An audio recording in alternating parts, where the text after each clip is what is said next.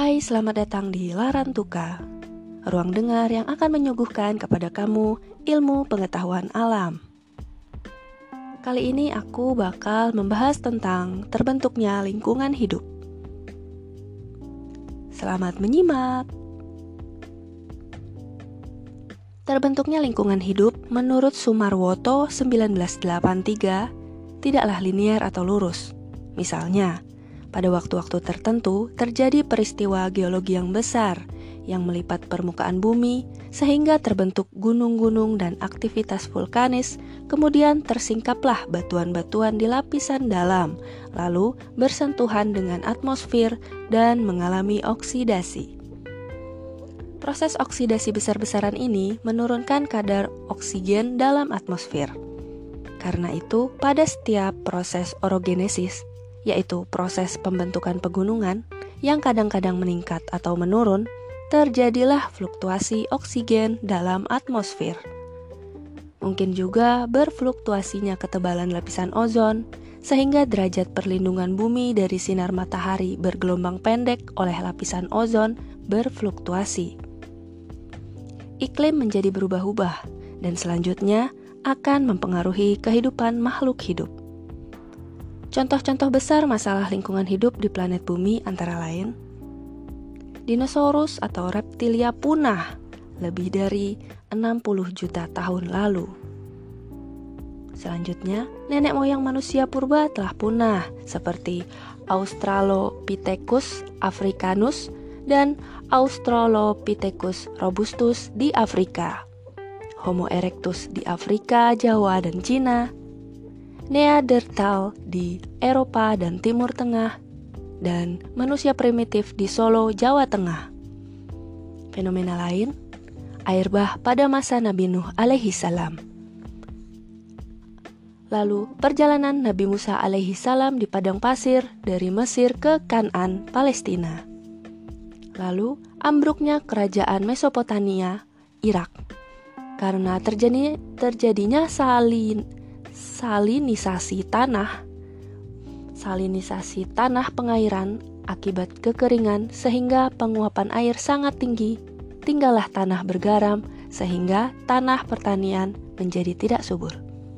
Fenomena lainnya runtuhnya kerajaan Pompei Italia oleh letusan gunung api tahun 79 yang lainnya Eropa dilanda wabah penyakit pes pada abad 14. Yang lain lagi, London dan kota-kota industri besar lainnya di Inggris dan Eropa serta Amerika Serikat dilanda kabut asap smoke, smoke atau fog akibat cerobong industri mengeluarkan polutan udara dengan bahan bakar batu bara. Fenomena lainnya terjadi gempa vulkanik berskala besar dan berulang-ulang di Iran, Afghanistan, dan kawasan sekitarnya telah menimbulkan kerugian material dan makhluk hidup serta manusia dalam jumlah besar. Fenomena lainnya terjadi tsunami yang melanda Jepang, Indonesia, Malaysia, Thailand, Sri Lanka, Maladewa, dan lain-lain yang menimbulkan kerugian sangat besar pada infrastruktur, harta benda, dan kematian manusia dan binatang. Fenomena lainnya terjadi badai dan topan dahsyat di banyak wilayah dunia seperti Amerika Serikat, Cina, Filipina, Taiwan, Bangladesh, dan lain-lain menimbulkan gelombang laut tinggi dan kuat. Curah hujan tinggi menimbulkan banjir besar atau banjir bandang dan memporak-pondakan infrastruktur, harta benda, dan kematian manusia dan binatang. Fenomena lainnya terjadinya kebakaran hutan yang hebat di Amerika Serikat, Australia, Spanyol, dan lain-lain yang telah memusnahkan berbagai spesies tumbuhan dan hewan, merusak infrastruktur, harta benda, kematian manusia, dan binatang. Itu adalah contoh-contoh masalah lingkungan hidup di planet bumi. Di Indonesia juga terjadi bencana lingkungan dengan meletusnya antara lain Gunung Tambora di Sumbawa pada 1815, Gunung Krakatau di Selat Sunda pada 1883, Gunung Merapi di Sumatera Barat pada 1926, Gunung Agung di Bali pada 1962, Gunung Galunggung di Jawa Barat pada 1982, Gunung Merapi di Jawa Tengah pada 2006, 2010, 2014, Gunung Sinabung di Sumatera Utara pada 2014. Akhir-akhir ini terjadi pula antara lain fenomena-fenomena. Fenomena-fenomena antara lain bencana gelombang pasang tsunami di Aceh dan merambat ke Malaysia, Thailand, Sri Lanka, dan India, bahkan sampai ke Afrika pada 2003, dan tsunami di Jawa Tengah dan Jawa Barat akibat gempa tektonik yang umumnya berpusat di dasar lautan. Fenomena lainnya, banjir lumpur, mud flow, di Sidoarjo, Jawa Timur terjadi sejak tahun 2006 yang menenggelamkan beberapa desa. Fenomena lainnya, terjadinya gempa vulkanik yang melanda daerah-daerah Indonesia Timur, Lampung, dan Sumatera Barat pada 2007, serta longsor hebat meliputi hampir seluruh daerah di Indonesia. Fenomena lainnya, gempa tektonik yang memporak-porandakan daerah Lampung, Liwa, Maluku Utara, kemudian Provinsi Bengkulu, dan Sumatera Barat pada 2007. Fenomena lain, gempa tektonik berskala 7,9 skala Richter pada 30 September 2009 yang meluluh lantahkan Sumatera Barat, terutama Padang, Pariaman, Padang, dan Agam menimbulkan kerusakan berat dan ringan dan kematian manusia di Bukit Tinggi, Pasaman, dan pesisir selatan, Solok, Padang Panjang, dan gempa tektonik tanggal 1 Oktober 2009 di Provinsi Jambi, Kabupaten Kerinci, dan Merangin yang menimbulkan kerusakan berat dan ringan. Fenomena lainnya banjir bandang hampir di seluruh pulau Jawa dan masih banyak fenomena-fenomena fenomena yang lainnya. Kesemua bencana alam ini baik yang berasal dari fenomena alam atau perubahan iklim maupun akibat perubahan perbuatan manusia telah menimbulkan kerusakan yang sangat besar terhadap bentang alam atau landscape dengan segala isinya, yaitu lingkungan hidup serta menimbulkan dampak lingkungan berupa kematian ribuan manusia dan makhluk hidup lainnya, termasuk hancurnya plasma nutfah. Belum pernah dihitung secara total plasma, nut plasma nutfah itu, serta sangat berpengaruh pada kondisi ekonomi, lalu lintas, dan sosial budaya manusia.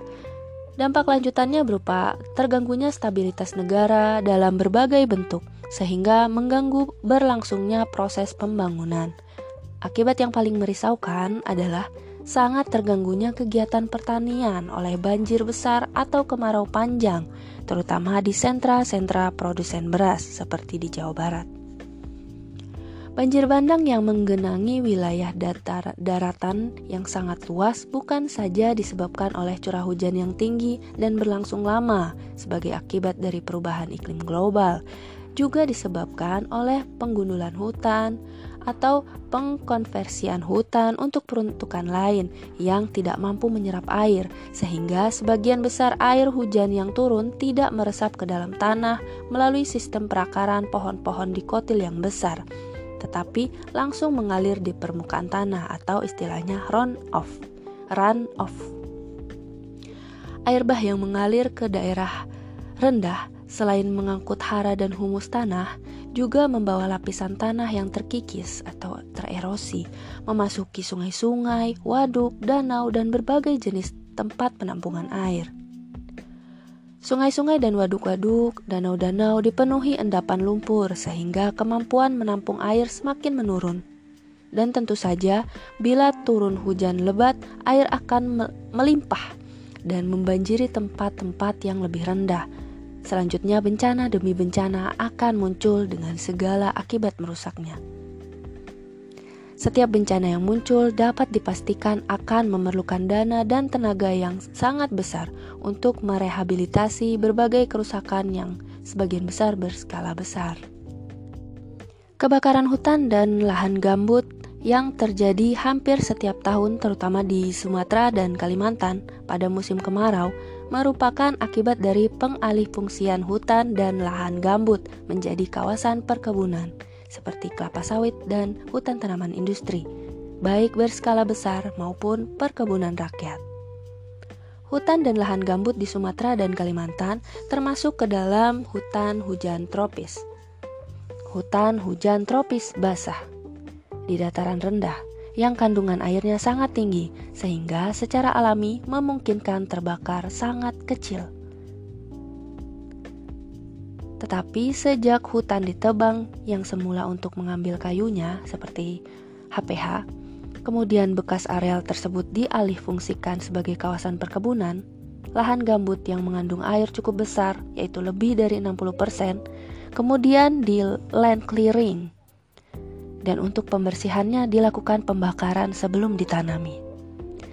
Karena kawasan gambut ini sebagian besar adalah kawasan gambut dalam, kedalamannya lebih dari 3 meter, yang diatur oleh pemerintah tidak boleh dialihfungsikan, namun dengan berbagai cara, para pemodal berlomba-lomba memanfaatkannya untuk perkebunan sawit, karena harga minyak sawit sangat bernilai ekonomi, bernilai ekonomi tinggi di pasar dunia. Untuk itu, penyiapan lahan perkebunan dilakukan secara rekayasa untuk menurunkan ketinggian air melalui pembuatan kanal. Akibatnya, lahan gambut mengering dan pada musim panas terdedah cahaya matahari yang terik dan tentu sangat rentan terhadap kebakaran. Kekeringan lahan gambut semakin meningkat karena seiring dengan pertumbuhan tanaman, kebutuhan air untuk tanaman yang monokotil itu semakin meningkat, yang berarti semakin mengeringkan lahan gambut. Kebakaran lahan gambut ini mendominasi bencana asap di Riau dan Jambi, juga Kalimantan, yang menyebabkan terjadinya pencemaran udara yang pekat dan melanda kawasan luas sampai ke Sumatera Barat, Bengkulu, Sumatera Utara, bahkan pernah melanda Singapura dan Malaysia kebakaran hutan dan lahan gambut terluas dan terbesar terjadi pada tahun 1997 dan 2014. Dengan demikian, dapatlah disimpulkan bahwa kerusakan lingkungan hidup dan kepunahan hewan dan tumbuhan tidak selalu disebabkan oleh manusia, tetapi juga oleh fenomena alam. Namun, akhir-akhir ini manusia telah mempercepat dan mungkin memperbesar penyebab kerusakan lingkungan hidup, sehingga semakin mempercepat pula memusnahkan sebagian atau seluruh makhluk hidup tertentu, dan berarti punahnya plasma nutfah. Oke, teman-teman, sekian dulu pembahasan tentang terbentuknya lingkungan hidup. Terima kasih sudah menyimak. Semoga bermanfaat. Terima kasih.